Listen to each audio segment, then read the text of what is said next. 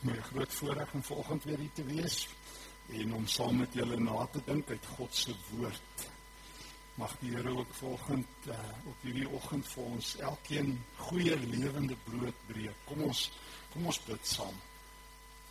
Here in Hemelse Vader, ons is baie baie bly dat ons U kan loof en Here, dis 'n voorreg om weg te kyk van onsself en voor U te staan en te sê heilig is die Here.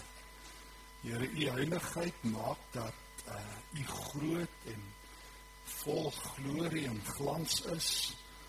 En Here, nou kan ons as mense wat eintlik bietjie min verstaan van U en baie keer ook weglewe van U af na U toe kom. Dankie dat U die heilige God ons nader trek omdat ons iemand ken wat die naam het Jesus Christus en omdat daar nog iemand in die hemel is die Heilige Gees wat in ons lewens werk. En dankie Here dat U wat die Vader is en die Seun en die Gees dat U almal by ons betrokke is. Wil U dit ook volgend wees? Wil wil U U woord gebruik as as 'n oogoopmaker, as 'n hartsagmaker, as 'n ooroopmaker?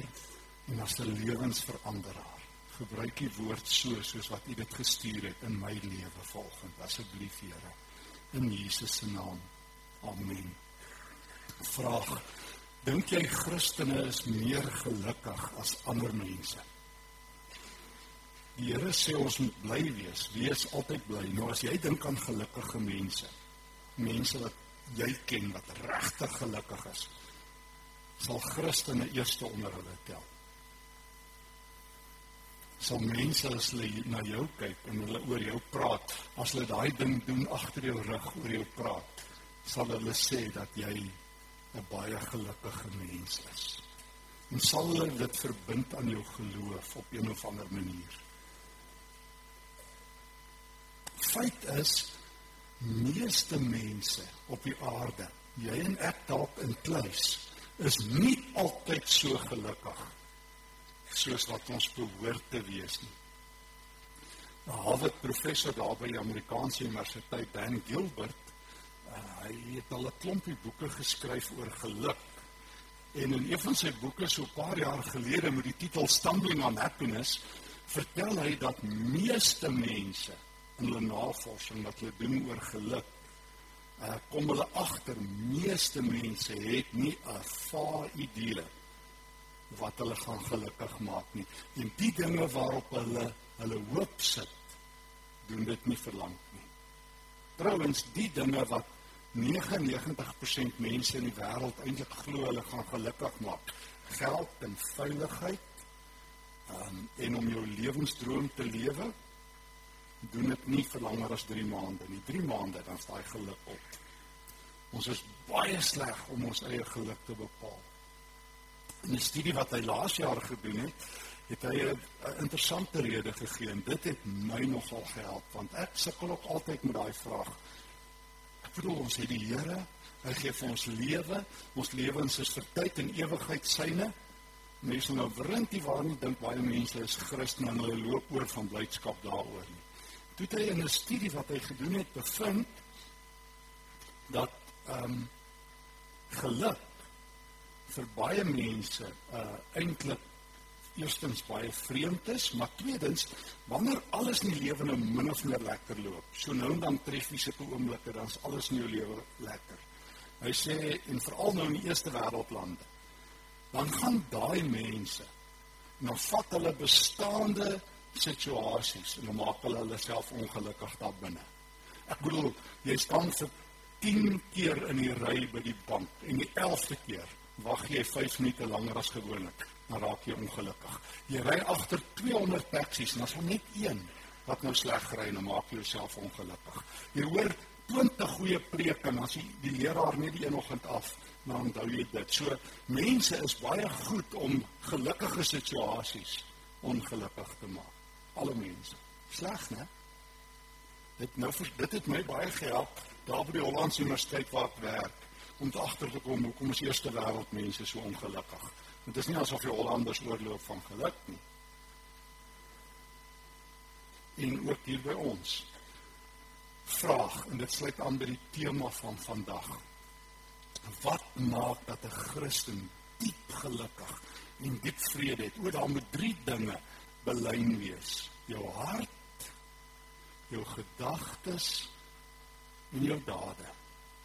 En as daai drie belyn in lyn is, jou hart, jou gedagtes en jou dade, dan is jy 'n diep gelukkige en 'n diep tevrede mens. Dan word waar wat Paulus sê in Filippense 4 vers 4 dat jou hart en jou gedagtes tot vrede gekom het. Nou maar daar's 'n rede en dit wil ek eers met julle deel. Daar's 'n rede. En ons moet dit weet. Daar's 'n rede hoekom baie mense ongelukkig is. Dis 'n ding wat in jou gedagtes gebeur, in jou kop gebeur.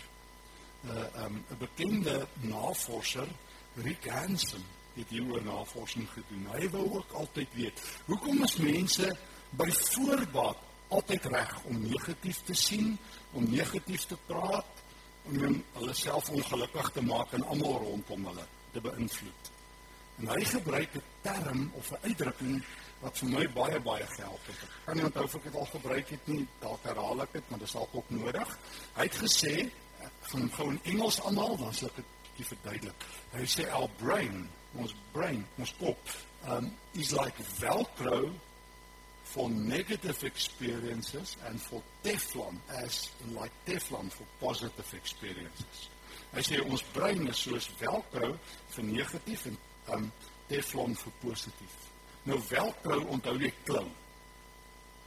So ons brein trek negatief aan en jy weet wat doen Teflon? Jy onthou daai Teflon panne. Dit dit alles val af. So positief gaan net so by ons verby. Hy het so ses dinge uitgehaal wat ek so bietjie net op weer saam met jou wil deel. Hy sê feit 1. Hy sê ons oorskat bedreigings en ons onderskat geleenthede. Ons is baie goed daarmee om moeilikheid te sien en baie sleg daarmee om te sien as dit beter gaan. Luister maar net hier so saam met mense staan. Hulle noem dit roemers, remoere. Ja, ons kan net so optel. Net so. Het jy gehoor dit gaan gebeur en volgende dan's almal in die depressie laagte. 2. Sterk negatiewe stimule, met ander woorde indrukke wat in jou kop inkom. Skep meer aktiwiteit in ons brein as dit positief is. So in gewone taal gesê, as 'n um, 'n slegte ervaring en 'n gelykstaande positiewe ervaring by jou by jou aankom, gaan jy meer aandag gee aan die negatiewe een. So jy kan dieselfde sleg soort goeie nuus hoor en aan die ander kant dieselfde soort slegte nuus gee meer aandag gee aan die slegte nuus. Jy moet maar net kyk as jy die koerant op die internet lees, wat is die mees geleesde artikels? Al die al die slegte stories. Uh mense hou daarvan. Op Facebook ook. Nou ja, sien ek weer iemand sê daar was ongeluk. Hoe sal dit dood? Dan wil almal dit weet. Hoe's die mense dood? Was dit erg? Dis mense geniet eintlik negatief. Niemand stop as iets soets gaan, hulle daar ongeluk weer stop almal en kyk. Dan hulle daar uit en kyk. Jy laat sien langs die pad. Ja. Mense hou van slegte nuus. 3. Negatiewe stimule word makliker en vinniger in ons brein geprosesseer as positiefes. Dit is asof jou kop ingestel is om vinniger daarop te reageer. 4. Negatiewe inligting oor mense vorm ons opinie oor hulle die meeste. So mense kan daai ouetjie wat nou daar by jou kind kom kuier by jou dogter of by jou seun kom kuier, kan nou vir 20 jaar oulik wees of jou vriende, laat hulle net een ding verkeerd doen, dan onthou jy dit. Mense negatiewe dinge vorm 'n indruk baie vinnig. Ek onthou Ons het ruk gelede sit ek in 'n gesprek en iemand uh en ek ek verwys na 'n leraar en iemand anders sê o nee nee ek ken daai ou ek was saam met hom op waar sit die huis maar is simpel. Ek so lank terug was dit, net 20 jaar gelede. My opinie bly nou nog. Dit jouself. Wat's baie keer die eerste ding wat jy oor iemand sê 'n negatiewe indruk? Hoeveel keer as iemand iets negatiefs oor iemand sê, um, sê ek kies om te verskil. Sê nee, ek ek ken ook baie ander negatiewe dinge. Moet nou net nie uitpraat nie, maar ek weet ook wat behoort daai persoon. Nou dag agter iemand geloof wat my bespreek het. Dit was interessant. Ek nie vergeet ek loop agter hulle. By 'n kerkdiens waar ek was. Dit was baie oulik. Ek wou vir hulle gesê ek stem saam maar ek het nie. Negatief is meer gedifferensieer uh, as positief. Ek kan baie meer in my kop en in die lewe baie meer gedifferensieer oor negatiewe dinge praat. Ek kan vir jou sê daai ou is nie net simpel nie, hy is die toppunt van simpel. Maar as ek sê ag nee, alles net oulik. So ek kan baie verfyn oor negatiewe dinge praat. Ons het meer negatiewe taal as positiewe taal en die meeste van ons emosionele woorde is negatief en nie positief nie. In Engels is daar 'n studie gedoen wat sê 68% van alle woorde wat emosies uitdruk is negatief. So wat sê dit vir jou? Ons koppe smokkel met ons. En as jy nie in jou geloofslewe hoor nou mooi, nou kom ons by God se woord, jou emosies en jou gedagtes en jou dade met God bely nie gaan jy diep negatief wees en vir jou geloof niks in jou verander nie. Ek onthou as 'n jong leraar voordat ek by die universiteit as 'n dosent beland het, was ek 'n paar keer by synodes en ek het daar weggestap want want ek was van kleins af het ek 'n renons gehad aan hierdie negatiewe kerktaal, hierdie kerk wat altyd eers te sonde raak sien en ou dominee wat meer weet wat verkeerd is as wat reg is. En dan kom sit ek by die synode en gedoorie waar daar gebeur dieselfde. Daar's 'n kommissie vir die bestryding van openbare ewels, my eerste sinode.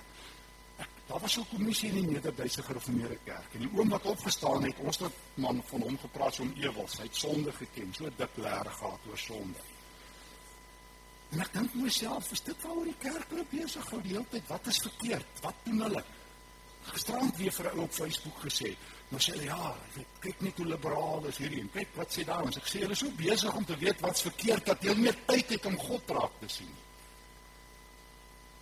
So wat moet ek doen om my lewe met God te bely? O eerste, Romeine 12. Paulus sê net so 'n bekende woord, maar ons moet hom 'n slag baie ernstig vat. Ek, ek hy skryf in vers 1 Romeine 12. Ek doen 'n beroep op julle broers en my bedoel susters ook op grond van God se groot omgee. Paulus sê hy sê dit eintlik so mooi. Hy sê ouens, ek praat nou namens God, die God wat so baie vir julle omgee, die ontfermende God, die die die liefdevolle God. Gee julleself aan hom as lewende en heilige offers wat vir hom aanneemlik is. Jy sien die offer daar is verby, daar's nie meer 'n tempel nie. Jerusalem se tempel het verval, maar nou word ek as 'n Christen 'n offer vir die Here vers 2 nie in hierdie wêreld gelyk word nie. Laat God julle denke vernuwe. Hier's die eerste ding. Jy moet jou kop vir die Here gee, jou denke. Ek het nie groot geword nie, dink baie van julle ook nie, dat Christendom baie met denke te doen het nie. As ek jou nou so, nou so vinnig vra, wie is die intelligentste ou wat nog ooit op aarde geleef het? Wat jy van weet? Gemeeste ons sê Albert Einstein en sulke ouens. Niemand gaan eintlik oor Jesus praat oor Paulus as intelligente mense nie. Ons dink intelligensie is iets buite die kerk. Ja, hier is so 'n paar slim ouens, maar hulle moet dit daar buite gaan gebruik. Ek sê altyd vir dominees, ek bid sodat die Here vir ons intelligente en kreatiewe en skerp dominees en lidmate gee en dat ons ons kreatiwiteit vir die Here gee. Die Here het vir jou kop gegee, gebruik dit vir hom. Gee jou denke vir die Here sê Paulus. Dan sal jy onderskei wat die wil van God is. 99% mense wat met my oor God se wil praat, soek God se wil in tekens en gebede en selgroepe. Ek vra vir 99% van daai mense, het jy al jou denke vir die Here gegee? Want God sê dan sal jy sy wil ken. As jy kom jy sukkel met sy wil, jy gee nie jy denke, jy dink nie vars nie. So as jou kop nog werk soos hy nog altyd gewerk het voordat jy 'n Christen is, het jy moeilikheid. En ek weer sê, as jou kop nog werk soos voordat jy 'n Christen was en as jy nog altyd 'n Christen is, dan weet jy baie vinnig gaan kyk nou hoe dink jy. Want ek het net vir jou gesê wat is die default modus van die meeste mense? Negatief, krities, kla, fout vind, En as jy jou denke nie met God bely nie, gaan jy soos die wêreld dink. As jy dink soos wat die ouens dink wat die koerante skryf, as jy dink soos die ouens dink wat op Facebook is, as jy dink soos die manne met die kanne in die hande, as jy dink soos die ouens wat die rugby oor praat. As jy dink soos die ouens by jou werk, het jy moeilikheid as jy nie op 'n ander manier dink nie, die Here nog nie jou gedagtes nie. Dan moet jy verstaan hoekom jy sukkel om vir hom te lewe met jou godsdiens en al. Godsdiens wat nie jou gedagtes verander nie, is 'n dooie godsdiens. Paulus skryf in Efesiërs 4 vers 17 tot 23: Moenie soos die ongelowiges wees nie. Hulle gedagtes lei tot niks. God stel niks belang in wat in die gelowige dink nie. Dit is net chaos, is 'n popkop. Dooie battery. Dan sê Paulus dat God jou gedagtes aanraak in Efesiërs 4. En soos ek al gesê het hierso, baie meeste Christene ek en pleis was net bekeerd op in my hart. Ons gee ons harte vir die Here, ons hou ons kop vir onsself. Private property. Here, bly weg. Ek wil dink wat ek wil en dink wat ek wil en dink wat ek wil. Moenie elke dag aktief Elke oggend as jy opstaan, Here, hier's my gedagtes. Maak dit nie. Kolossense 3 vers 2, rig my gedagtes op U. Kyk deur Jesus as jy dink. Dink deur Jesus. Oefen dit in. Jy moet dit oefen. Jy moet dit oefen. Jy moet toelaat dat die Here jou dit leer om anders te dink. Goed. So eerstens het jy 'n nuwe gedagtes nodig. Tweedens het jy 'n nuwe hart nodig, emosies. So moes bly na Psalm 51 toe. Dawid nadat hy lekker droog gemaak het, groot gesondig het met Watsewa. 'n groot gemors aangevang het en aangehou sondig het. Het uh die profeet Nathan aan hom verskyn daar in 2 Samuel 11 en 12, lees jy daarvan. En nadat hy dan tot bekering kom, skryf hy Psalm 51. En hy skryf 'n paar keer oor sy hart in hierdie Psalm. Hy bely sy sondes voor die Here. En in 'n mens se hart word eintlik vir die Bybel ja die setel van wie jy is, maar is ook die setel van jou emosies. En ons emosies kan ons maar so maak. Soos 'n pendulum, swaai links en regs en op en af. Die eerste ding wat die Here van my emosies wil hê, vers 8 en van my van my diepste mens wees Nie verwag op regtheid diep in 'n mens se hart. O die Here is op soek, weet jy, na opregte mense. Soos wie jy is, as jy alleen is, so moet jy wees tussen ander mense. Soos wie jy is, as jy voor die Here is vanoggend, so moet jy wees by die werk.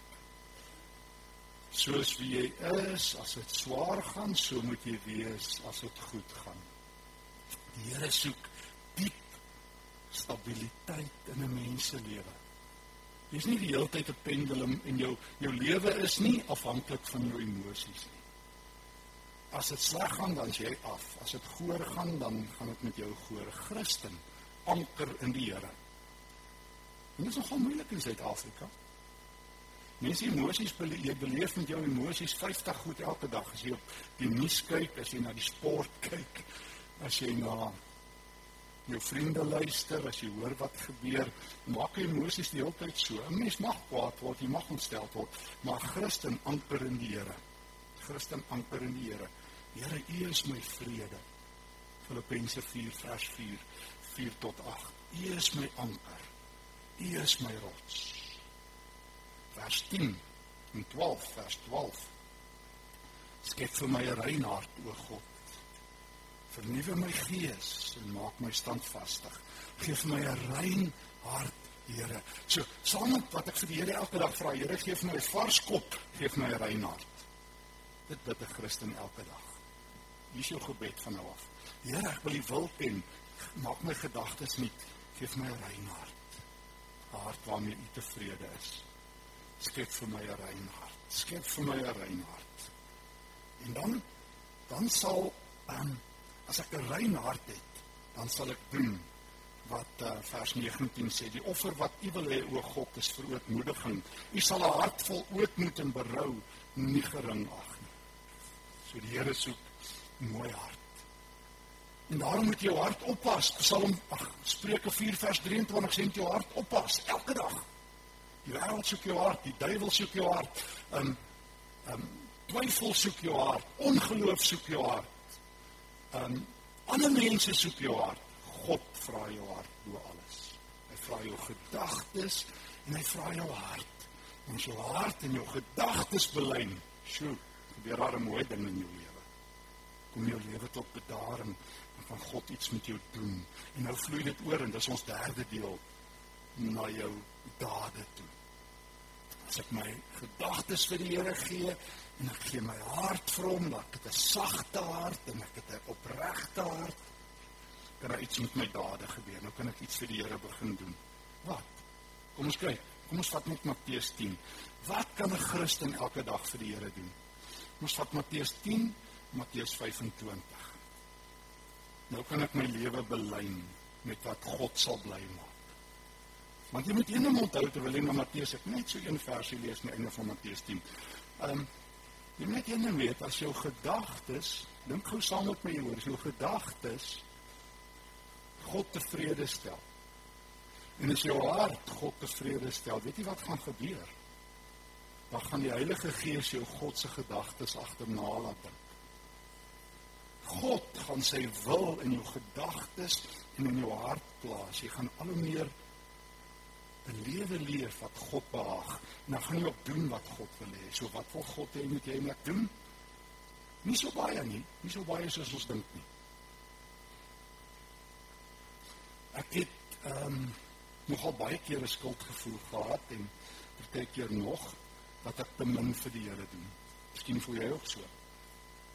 En dit is nie vir my moeilik vir die prediker wat volgende hier voor staan om so groot skuldgevoel op jou af te pak nie. Jy doen te min vir die Here en wie gaan nou stry daarmee?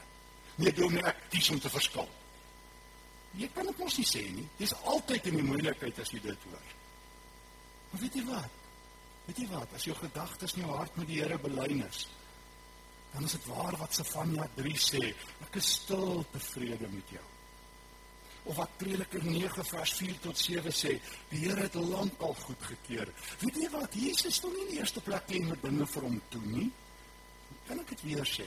Jesus wil nie in die eerste plek hê jy moet dinge vir hom doen nie. Hy wil hê jy moet hom in die eerste plek volg.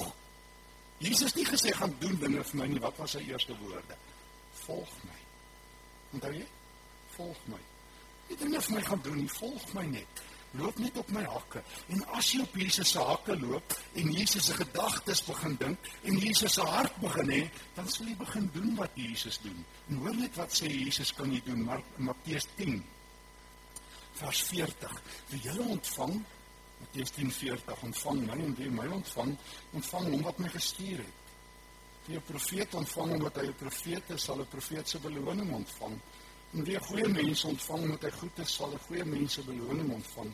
Wie aan een van hierdie geringstes net 'n beker koue water gee om te my disipel is, sal sy beloning kry. Dit verseker ek julle. Kan jy, kan jy, kan jy waar sy is hier in? Nee.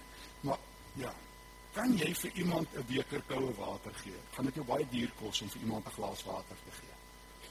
Nee. Kan jy vir iemand bid? Eensin.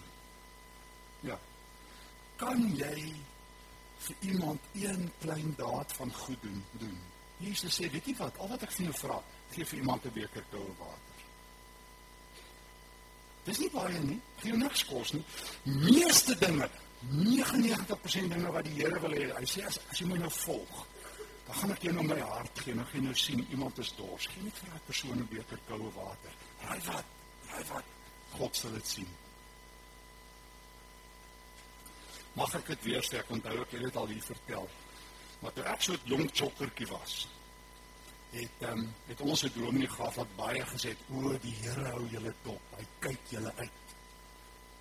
En my ma het ook later in daai streek aangeleer by die dominee. Dan sê ek altyd vir ons gesê, "Onthou die Here sien wat julle doen." Mens nag gegee, veral as jy op skool is. Doodbang gemaak. Maar weet jy wat sien die Here regtig raak?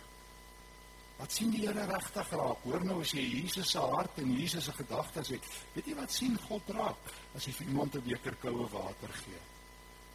Vergeet van groot dinge doen, vergeet van die wêreld verander, gee vir iemand 'n beker koue water. Het ek nou die dag vertel hierso daai daai een keer in Amerika sien ek so olie ouens, hierdie olie wat in jou kar gooi. Die Amerikaanse ouens Jiffy Lube. Hulle het 'n spreekwoord wat vir my weggeblaas het. Hulle spreekwoord op daai stadium of hulle advertensie spreek was We don't want to change the world, we just want to change your oil. Dis dit nie aangrypend nie. Dink bietjie daaroor. Ek wil nie die wêreld verander ek net vir jou beker koue water gee. So. Ek wil nie jou lewe verander ek net vir jou bid. Ek wil jou nie ehm um, maak soos ek nie. Ek wil net saam met jou 'n tree loop. Kan ek net my hand op jou skouer sit? Enige Christen kan dit doen. Enige Christen kan dit doen. Geef iemand 'n beker koue water. Dan het jy Jesus se hart en Jesus se hande en sy voete. O ja, in Matteus 25. Jesus sê, die heel laaste dag, wanneer ons almal voor hom staan.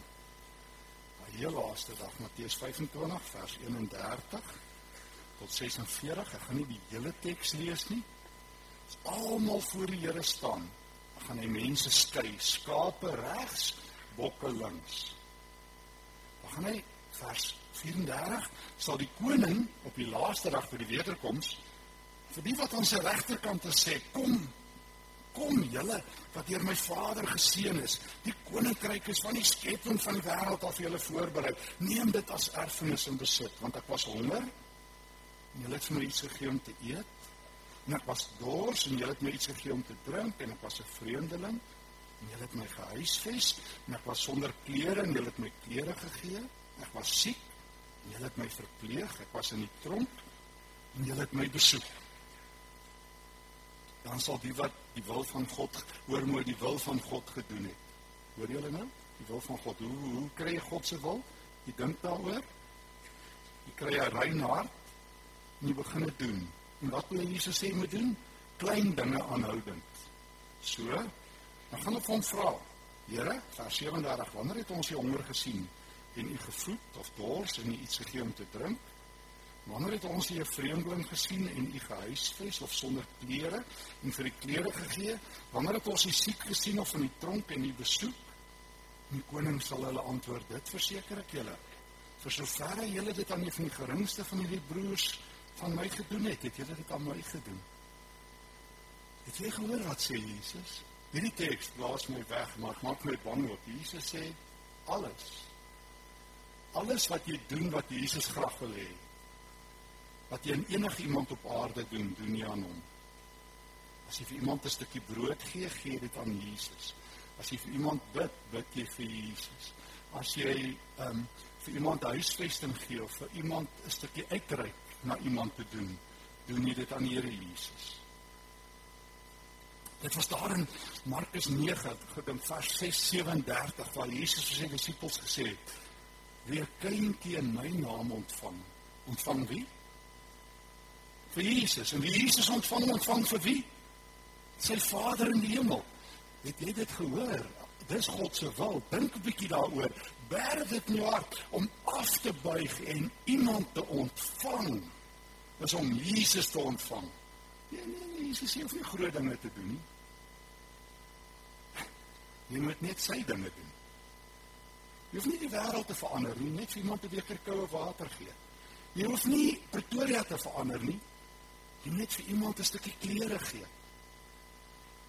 En Jesus sal dit sien, hy sal sê op die laaste dag as jy voor hom staan, gaan hy dit verseker sê, onthou jy hoe jy vir my klere gegee het en kos gegee het, en vir my gebid het en 'n koppie koue water gegee het en 'n stukkie brood gegee het en jou hand uitgesteek het en vir my gebid het. Toe almal daar daar gestaan en klaar by die tou, het jy gebid vir die persoon hier voor jou en ek het dit gehoor en ek het dit raak gesien. Jy hoef nie baie vir die Here te doen nie. Jy moet die regte dinge doen. Net Jesus se hart hê. Nie nuwe gedagtes hê. Dan gaan dit van self gebeur.